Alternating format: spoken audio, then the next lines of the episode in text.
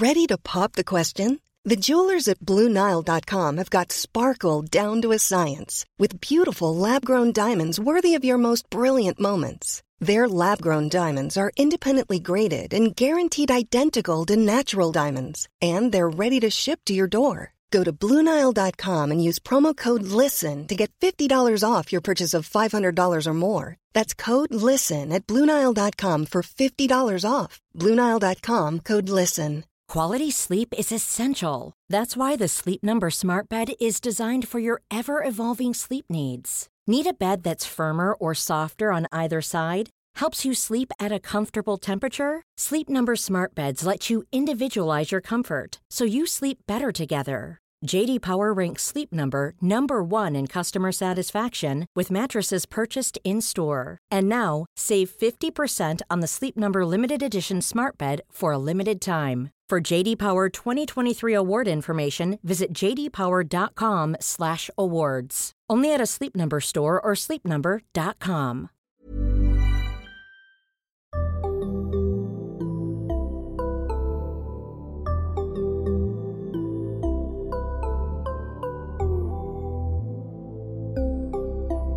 Barnpsykologerna. Hej och välkomna till ett avsnitt av Barnpsykologerna, en podd med Liv Svirsky och Lars Klintvall och idag med Malin Joleby. Hej! Hej! Du ska få presentera dig själv, men jag kan bara säga att du i alla fall, vi sitter typ bredvid varandra på Karolinska och du också, gör också postdoc här, samma som jag. Precis. Eh, och vi ska prata om hur man kan hjälpa barn att prata om sexuella övergrepp. Stämmer det? Ja, men precis. Lite vad man kan tänka på som en vuxen i världen runt barn. Att våga liksom hjälpa barn att våga berätta om det händer något dåligt, till exempel ett sexuellt övergrepp. Superbra. Kan inte du bara först börja säga vem du är och vad du gör för forskning? Ja. Eh, nej, jag är postdoc, forskare på Karolinska eh, och min forskning har väl egentligen primärt alltid handlat om sexualbrott på olika sätt. Jag skrev min avhandling om internetrelaterade sexualbrott mot barn med fokus på ja, men hur de här övergreppen går till men framförallt hur det påverkar barnen, vad de, hur de upplever de situationerna och vad det kan få för konsekvenser. Eh, för man har länge sett på internetrelaterade sexualbrott som mindre allvarliga än övergrepp som sker utan internet. Eh, sen har jag också forskat en del på barnförhör med unga barn som också är väldigt aktuellt när det handlar om när barn utsätts för sexuella övergrepp för då är förhören väldigt viktiga. Det är ofta ord som står mot ord. Och just nu så jobbar jag väl primärt med att försöka förebygga sexualbrott mot barn så att jag jobbar med en, vi utvärderar en helt anonym internetbehandling, en kognitiv beteendeterapi som heter Preventit som riktar sig till personer i risk att begå övergrepp mot barn. Så att, så då är det fokus på förövare, inte, inte på barnen? Utan på precis, så att personer med ett sexuellt intresse för barn som är oroade över sina tankar eller beteenden eller impulser mot barn. Yes. För, förlåt, det som du sa nu med det här är inte det vi ska prata om, men jag frågar om det ändå. Det här med att eh, skillnaden mellan eh, övergrepp som sker via internet och, och så, övergrepp som sker i verkligheten. Mm. Och att du sa att folk tänker att de internet är, är mindre allvarliga. Mm. Är det så? Då? Ja, men det är den bilden som ofta, eller länge har funnits och jag kan liksom förstå, den känns ganska intuitiv att man tänker att ja, men om någonting händer liksom digitalt, det kan väl inte vara lika allvarligt. Men utan att vara liksom sån som märker ord så sa du också, du sa det som händer internetrelaterade sexualbrott versus de som händer i verkligheten. verkligheten. och det är lite den bilden man har tror jag, att, att det som sker digitalt det är liksom något lite annorlunda, något frånskilt. Eh, så jag brukar vara noga med att försöka tänka att det är övergrepp som sker med hjälp av digital teknik, alltså med hjälp av internet. Övergreppen sker inte på internet utan övergreppen sker i verkligheten på barnets kropp eh, men med hjälp av digital teknik så att förövaren kanske befinner sig på en annan plats men genom internet har de kontakt med ett barn och förmår barnet att genomföra sexuella handlingar. Så att eh, jag kan liksom förstå att man tänker att så här, det här kan inte vara lika allvarligt. Och när jag skrev min avhandling så utgick vi lite från hur vi såg hur det dömdes i rätten och där hade man ett resonemang som var så här, det måste anses mindre sexuellt kränkande när ett barn penetrerar sig själv med sina fingrar än när en förövare gör det. Och det var ett antagande som man ser återupprepades i, i domar hela tiden och vi undrade så här, måste man det? Vad, det? Var kommer det antagandet ifrån? Så att vi började utforska det och liksom, i början fanns det väldigt lite forskning, nästan ingen alls, men nu de senaste åren har det kommit mer och mer. Och det vi ser är att internetrelaterade sexualbrott kan vara väldigt, väldigt allvarliga. Det kan vara väldigt kränkande situationer. Det kan vara liksom fysiskt smärtsamma övergrepp, även fall förövaren inte ens befinner sig i samma rum. Och vi ser att det finns en risk att barnen kan få väldigt, liksom samma typer av konsekvenser. Vi ser liksom väldigt liknande symptom som vi vet från liksom decennier av forskning på övergrepp som sker utanför nätet. Eh, och dessutom är det vissa faktorer när övergreppen sker med digital teknik som kan göra det ännu svårare för barnet. Att barnen till exempel har tvingats ta en väldigt aktiv roll själva. Så det är de som förmås att göra de här övergreppen på sin kropp. Att de skickar bilder, filmer.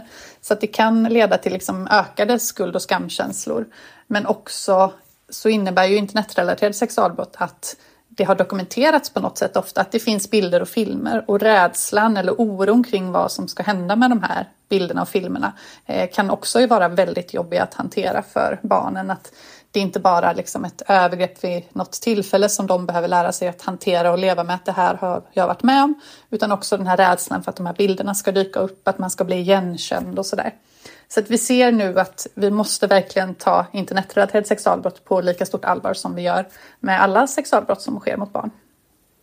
Vet man någonting om hur vanligt det är med eh, övergrepp som sker på nätet och som sker IRL? Eh, ja, vi vet att internetrelaterade sexualbrott ökar väldigt mycket. Eh, de senaste åren har det liksom varit toppnoteringar. Jag började forska på det här eh, 2017 koll, började jag kolla liksom på domar i Sverige och vi ser att, att det ökar. Man ser att eh, materialet, eh, liksom spridningen av övergreppsmaterial eh, på nätet och på Darknet och Clearnet, det ökar liksom markant. Så att vi ser att det här är en utsatthet som ökar och jag tror inte vi har några bra siffror liksom på hur vanligt det är, men vi ser att det blir mer och mer vanligt. Tyvärr. Ja, men det kan man väl nästan utgå ifrån, eller hur? Bara med att ja. ungdomar är mer på nätet också. Ja, men precis. är det skillnad på åldrar då? På...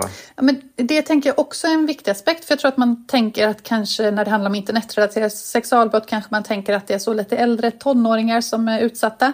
Men eh, ungefär om man kollar bara på domar och då tänker jag att då har vi absolut ett, liksom, ett litet skevt urval för alla anmäler ju inte eh, det man är med om. Men om man kollar på domarna i Sverige så är ungefär 10 av barnen är under 9 år. Så att de är också mycket, många är liksom betydligt yngre än vad man, man tror. Eh, mm. Så därför, det tror jag också man behöver vara medveten om att vi behöver ha liksom samtal med barn i mycket tidigare åldrar än vad man tänker. Det räcker inte att komma in med liksom sexualkunskap i högstadiet utan vi behöver prata med barn från tidig ålder om det här. Men berätta då det som vi, som vi verkligen ska prata om. Det här liksom för det, eh, hur ska man prata med barn då för att få reda på om, det, om det har, de var utsatta för övergrepp? Ja, nej men jag tänker att vi vet faktiskt ganska mycket om det här. Alltså det har forskats i 20-30 år om eh, övergrepp på barn på olika sätt. Och om man kollar på all den forskningen, om man kollar på vad alla liksom barnrättsorganisationer säger och vad som återupprepas i forskningen så, så vet vi ganska mycket om vad det finns för hinder för att få barn att våga berätta eh, om när de har varit med om något dåligt. Och det handlar ju framförallt om skam och skuld, att man skäms så mycket över det man har varit med om. Eh, så att det är väldigt jobbigt att våga berätta. Man tänker att det var nog mitt eget fel. Man är rädd för negativa konsekvenser. Hur ska folk reagera om jag berättar det här? Kommer mamma bli besviken? Kommer hon bli arg? Eh, man är rädd för negativa konsekvenser. När det handlar om internetrelaterade sexualbrott så kan man se att barn är rädda att om jag berättar att det har hänt något dåligt på eh, liksom sociala medier, då kommer jag inte få ha min mobiltelefon längre eller jag kommer inte få mm. använda sociala medier. Eh, men också och det får man... en massa sociala konsekvenser såklart. Precis, alltså vi måste, exakt. Jag tänker vi måste förstå att eh, vi lever våra liv i en digital era just nu. Det är liksom rimligt att man har den möjligheten. Det är liksom, internet för jättemycket positivt med sig. Vi måste bara våga prata om, om vad det finns för risker och hur vi kan hantera dem. Eh, och det man också ser som hinder är att barn och unga inte vet om att de varit utsatta för något som är brottsligt eller något som är fel. Att de har inte förstått eh, att det här var inte okej okay, det som hände mig. Så vi vet liksom väldigt tydliga hinder. Skam och skuld, rädsla och att man inte känner till, alltså man saknar kunskap. Ehm, och då tänker jag, det vet vi, det är det som gör att barn inte vågar berätta om man kollar då på vad det finns för faktorer som ökar sannolikheten att de vågar berätta, då är det att man har blivit erbjuden en möjlighet att prata om det här. Antingen att någon har vågat fråga, att man pratar om det i skolan, att det har varit en dokumentär på tv man har sett. Liksom att ämnet på något sätt har lyfts och det har gett barnen möjlighet att okej, okay, men här sitter ni och pratar om övergrepp eller när jag lär mig om det här, då kanske jag förstår att det jag har varit utsatt för är inte okej okay och det verkar finnas vuxna som känner till det här som jag kan prata med. Eh, så att man behöver skapa liksom en trygg plats där vi har möjlighet att prata om svåra ämnen. Ehm, och det handlar också om att barn behöver ha kunskap om sina rättigheter. Att jag har rätt att säga nej om det inte känns bra för mig. Ingen har rätt att tvinga mig till någonting som jag inte vill. Så att det vi ser från forskningen, som jag är så övertygad om, är att vi behöver ha samtal med våra barn på olika sätt. Och det du säger, för, för det är det här med att, att samtalsämnet finns tillgängligt på något sätt, mm. det är det du säger. Men minskar det alla de här hindren som du sa med liksom skam och att man blir rädd att bli av med sin telefon? Nej, men jag tänker att jag tror att samtalen är liksom, det är en tydlig enkel sak vi kan göra och sen tänker jag att det är mycket lättare sagt än gjort. Eh, jag vet att det kan kännas liksom obekvämt eh, och jag tänker att ha samtal, att veta att så här, att prata om att så här, det här kan hända. Jag tror att det kan hjälpa och bidra till att minska skulden och skammen. Men jag tror också att saker som att förbud är inte rätt väg att gå.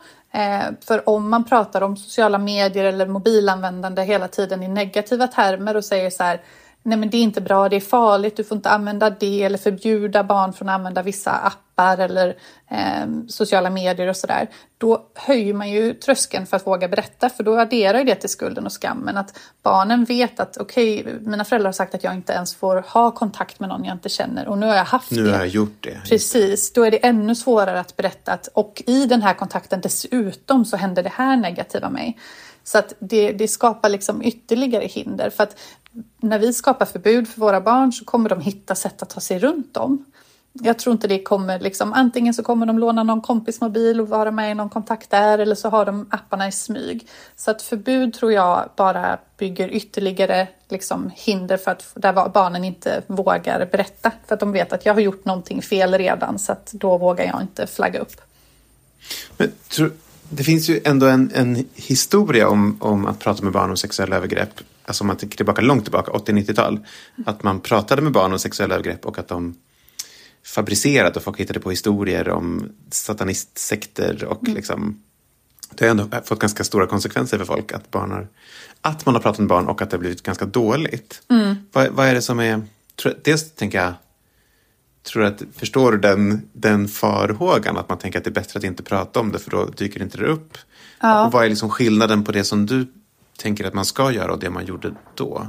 Ja men precis, jag vill tydligare när jag tänker, jag tänker liksom det här med att prata med barn, jag tänker att det är jättebrett. Det handlar inte om att jag ska säga så här, vet du vad, att på sociala medier så kan någon ljuga om sin identitet och den kanske utnyttjar dig sexuellt, utan det handlar om att från tidig ålder prata med barn om livet. Eh, det handlar om, typ som Rädda Barnen har en jättefin handbok som heter Stopp min kropp där som, eh, liksom, och man jobbar i förskolor med att lära barn om kroppslig integritet. Att, att visa att du behöver inte krama mormor eh, just nu om du inte vill utan du får bestämma det. Att lära barnen om det. Jag tänker när barnen blir äldre, vi måste prata om nyfikenhet, om sexuell nyfikenhet, om pirriga känslor, om att våga vilja liksom utforska det, om varför det kanske känns bra att få komplimanger eller likes. Vi behöver liksom prata väldigt brett med barn och i de samtalen så rustar man ju också för att kunna prata om ja, men vad händer när det inte känns bra på internet eller om någon kommenterar din kropp på något sätt som inte känns bra. Så att de typerna av samtal jag pratar om är mycket liksom bredare, mer allmänna. Eh, det som du refererar till när det har blivit de här eh, ja, men stora skandalerna där det har blivit falska anklagelser om, ja, men som du beskriver, väldigt allvarliga sexuella övergrepp, då handlar det ofta om att det springer ur en, en misstanke där någon misstanke har kommit upp och där föräldrar helt förståeligt blir väldigt rädda och tänker gud har det hänt mitt barn något? Och man börjar ställa väldigt ledande frågor. För vi vet att barn är väldigt lättpåverkade. Så att om man tänker i liksom en polisförhörssituation så behöver man ha samtal på ett helt annat sätt såklart. Där behöver man eh, ställa öppna frågor. Och det är det jag tänker väl egentligen att man som vuxen ska göra med barn också. Att bara visa att det här är samtal. Eh, vi kan ha. Eh, jag tror... Mm. Mother's Day is around the corner. Find the perfect gift for the mom in your life with a stunning piece of jewelry from Blue Nile. From timeless pearls to dazzling gemstones, Blue Nile has something she'll adore. Need it fast? Most items can ship overnight. Plus, enjoy guaranteed free shipping and returns. Don't miss our special Mother's Day deals. Save big on the season's most beautiful trends. For a limited time, get up to 50% off by going to Bluenile.com. That's Bluenile.com. Hey, I'm Ryan Reynolds. At Mint Mobile, we like to do the opposite of what Big Wireless does. They charge you a lot, we charge you a little. So naturally, when they announced they'd be raising their prices due to inflation, we decided to deflate our prices due to not hating you. That's right. We're cutting the price of Mint Unlimited from $30 a month to just $15 a month. Give it a try at mintmobile.com slash switch. $45 upfront for three months plus taxes and fees. Promo for new customers for limited time. Unlimited more than 40 gigabytes per month. Slows. Full terms at mintmobile.com. Everyone knows therapy is great for solving problems, but getting therapy has its own problems too, like finding the right therapist, fitting into their schedule, and of course, the cost.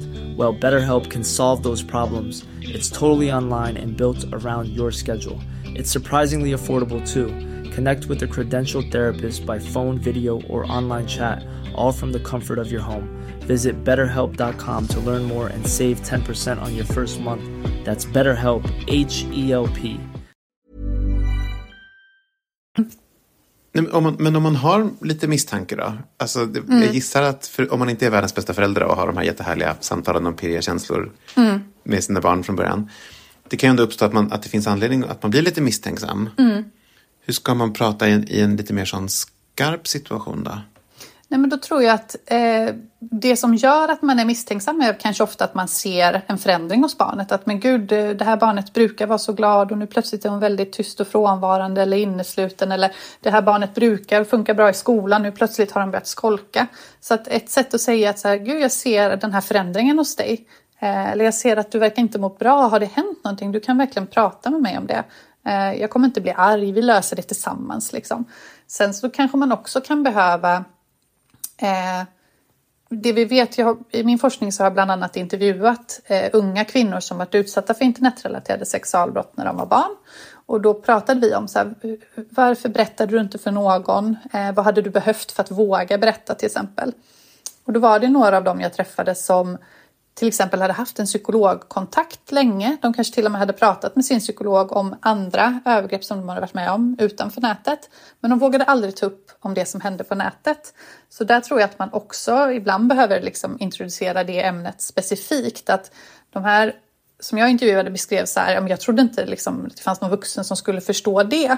Så att, att när man känner oro för att något barn kanske varit med om någonting, man ser en beteendeförändring åt ett barn, att säga då att om jag ser, har det hänt någonting, jag ser att du är inte ditt vanliga jag eller du verkar inte må bra, har det hänt någonting, har det hänt någonting hemma, har det hänt någonting i skolan, har det hänt någonting på nätet? Alltså att liksom visa att man har förståelse för att det kan hända i många olika arenor. Mm. Men är det, inte, är det inte en svår balansgång mellan att, att ställa sådär superöppna frågor, nej förlåt, att, att mellan att ställa ledande frågor men ändå få in det på samtalsämnet. Det kan hända saker på internet och jag ser att du mår dåligt. Har det hänt någonting? Eller skulle du kunna ta liksom ännu mer konkret exempel på Ja. vad som skulle kunna vara en bra formulering och vad som kanske inte skulle vara en bra formulering? Då?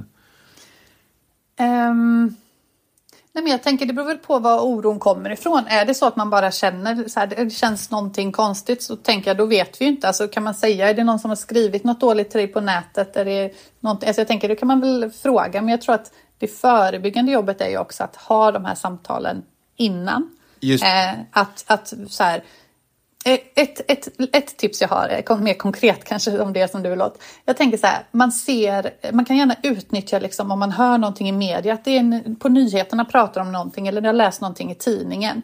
Och så är det så här, men gud vet du vad jag läste i tidningen idag? Att det var en 13-årig flicka i Malmö som hade varit eh, utsatt för eh, övergrepp via Snapchat. Har du hört att det kan hända?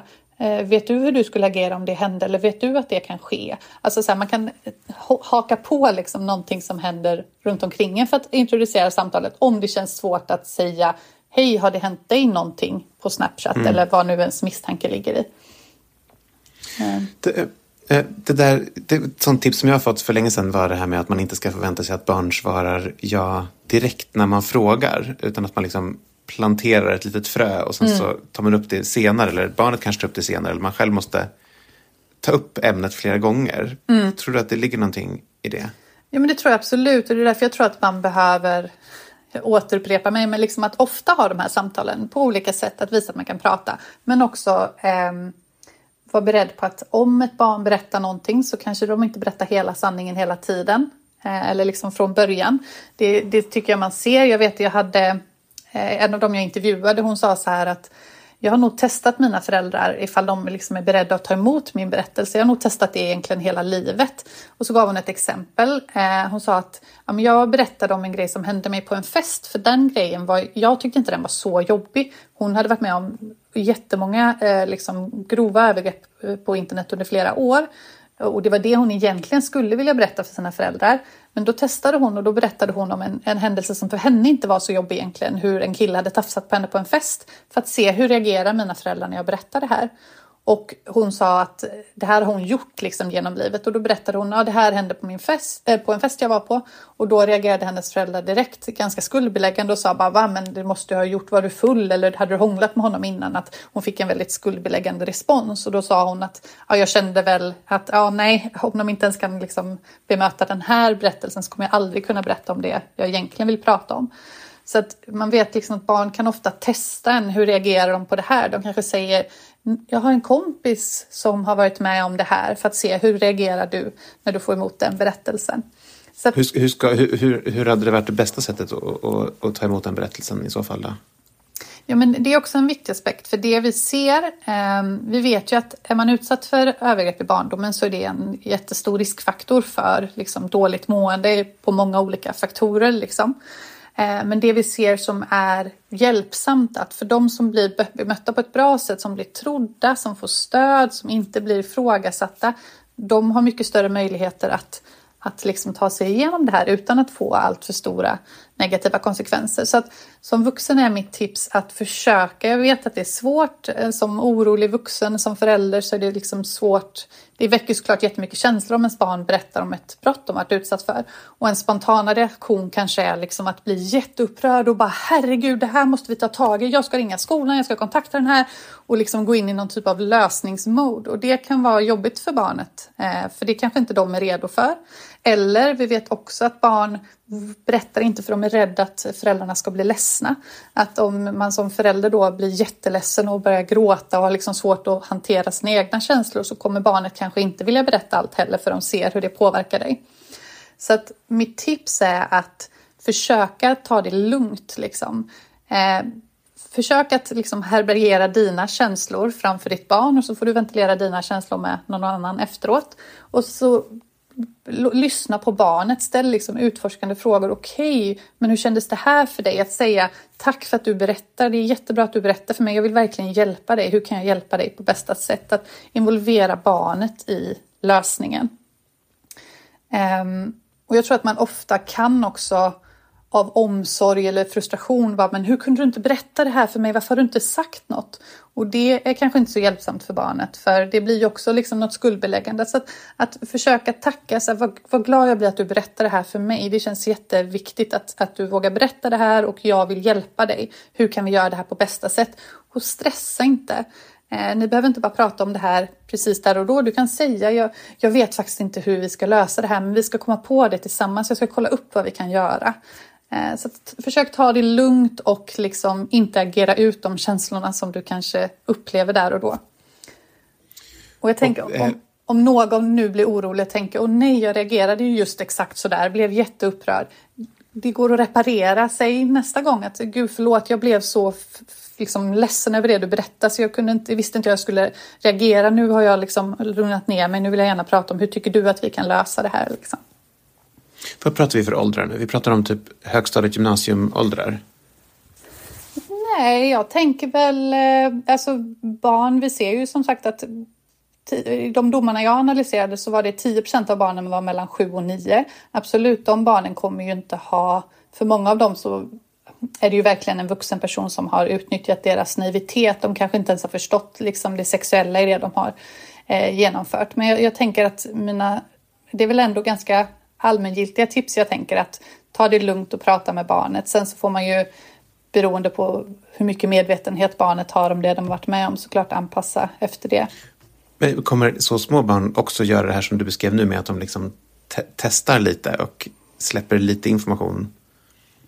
Nej, men det kanske det kräver ju kanske att man har lite mer förståelse för det man varit utsatt för. Att förstå att, jag tänker ett, ett, ett mindre barn som kanske inte riktigt har förstått det de varit med om kanske inte heller har de här hindren för att berätta det för att de förstår inte riktigt vidden om det har varit med om. Så det kanske handlar mer om, om äldre barn, liksom högstadiebarn eller så. Mm. Men ett mindre barn kommer väl också lyssna mer på en annan vuxen som säger att det här är vår hemlighet och du får inte berätta det här för någon. Precis. Eller? Ja men absolut. Det, det, det, det tror jag att det, det, är också en av de här om vi kollar på vad finns det för hinder för att berätta. Då är det en faktor också att man vill, man vill skydda förövaren. Eh, om vi pratar om Eh, Eh, övergrepp som inte sker via internet så är det ju ofta någon som är nära barnet. Alltså någon som kanske är jättesnäll, som bryr sig om barnet, som ger komplimanger. Det kanske är den enda som liksom lyssnar mycket på barnet och frågar hur det varit i skolan. Liksom någon som ger barnet någonting de vill ha men som också utnyttjar barnen. Alltså det är ofta någon nära person som barnet har en relation till. Och det är inte ovanligt heller att förövarna manipulerar barnet och säger att om du berättar det här så kommer eh, din, vi, din mamma vilja skilja sig från mig om det är pappan eller styvpappan som är förövare. Eller om du berättar så kommer jag hamna i fängelse. Eller om du berättar så kommer ingen tro det eller det är ditt fel för du är ju så fin så det är ditt fel att jag måste göra så här mot dig. Så att förövarna kan vara väldigt manipulativa för att få barnen att, att hålla hemligheter. Eh, när det handlar om internetrelaterade övergrepp så är det vanligare att det inte är någon man har en nära relation till utan kanske någon man, eh, som är helt främmande eller någon man bara har känt en kortare tid eller sådär. Så att den liksom, lojaliteten till förövaren kan se annorlunda ut.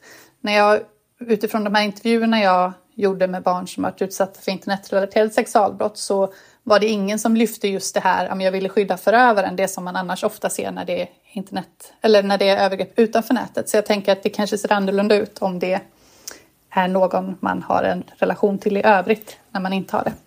Finns det något särskilt man kan tänka på för att, om det nu är övergrepp som sker utanför nätet, eh, hur man ska prata med barnet så att den vågar gå emot den där sortens lojalitet? Mm. Liksom, har du något tips ja, på hur man skulle kunna...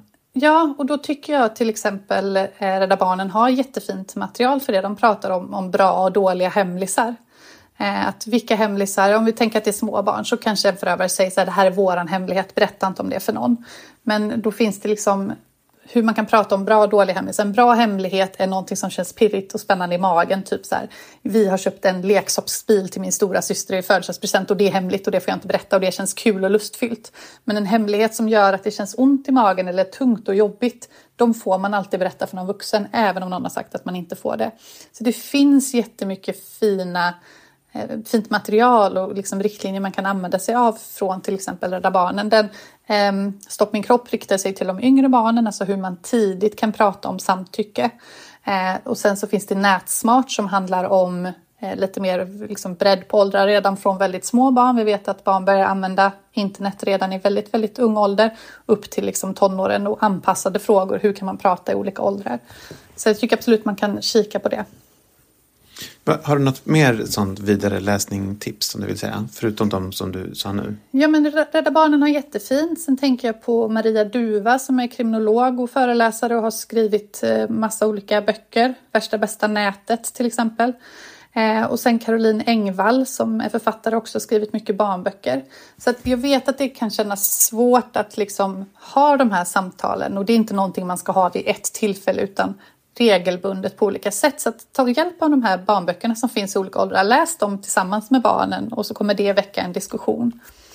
Eh, eller åtminstone så kommer barnen veta att så här, det här har ju mina föräldrar läst om mig i böckerna så de vet också att det här kan hända till exempel. För det ser vi ju annars en rädsla att det är ingen som kommer förstå det jag har varit med om. Så det tänker jag är ett bra mm. tips. Avslutnings, avslutningsvis, vill du säga någonting om den forskning som du gör framåt eller gör nu? Ja, men jag tar jättegärna tillfället i akt. Eh, så att jag jobbar ju nu med att försöka förebygga sexuella övergrepp mot barn. Och då har vi en, eh, ja, men som jag nämnde, en anonym internet-KBT-behandling, kognitiv beteendeterapi för personer i risk att begå sexualbrott. Så att personer som har ett sexuellt intresse för barn och som antingen har liksom pågående olagliga beteenden eller är rädda att de ska agera ut. Så att vi har en helt anonym behandling som man kan söka sig till om man känner att jag behöver hjälp att lära mig att kontrollera min sexualitet, att inte agera ut den. Och den heter alltså Preventit, så att om någon som lyssnar på det här kanske jobbar med eh, människor och kommer i kontakt med personer som skulle behöva det här stödet så får man jättegärna hänvisa dit. Det är bara att googla på Preventit så ska man hitta det. Tack Malin! Tack! Eh, tack ni som lyssnade. Barnpsykologerna finns på eh, Instagram och på Facebook. Hej då!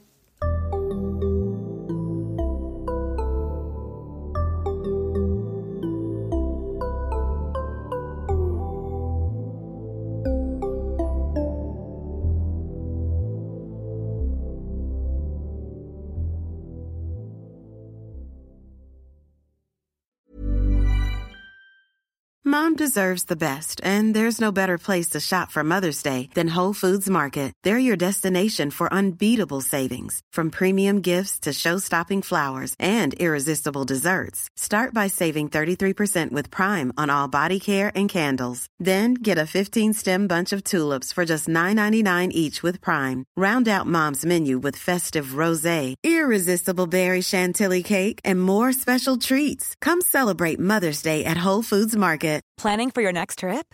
Elevate your travel style with Quince. Quince has all the jet setting essentials you'll want for your next getaway, like European linen, premium luggage options, buttery soft Italian leather bags, and so much more. And is all priced at 50 to 80% less than similar brands. Plus, Quince only works with factories that use safe and ethical manufacturing practices. Pack your bags with high-quality essentials you'll be wearing for vacations to come with Quince. Go to quince.com slash pack for free shipping and 365-day returns.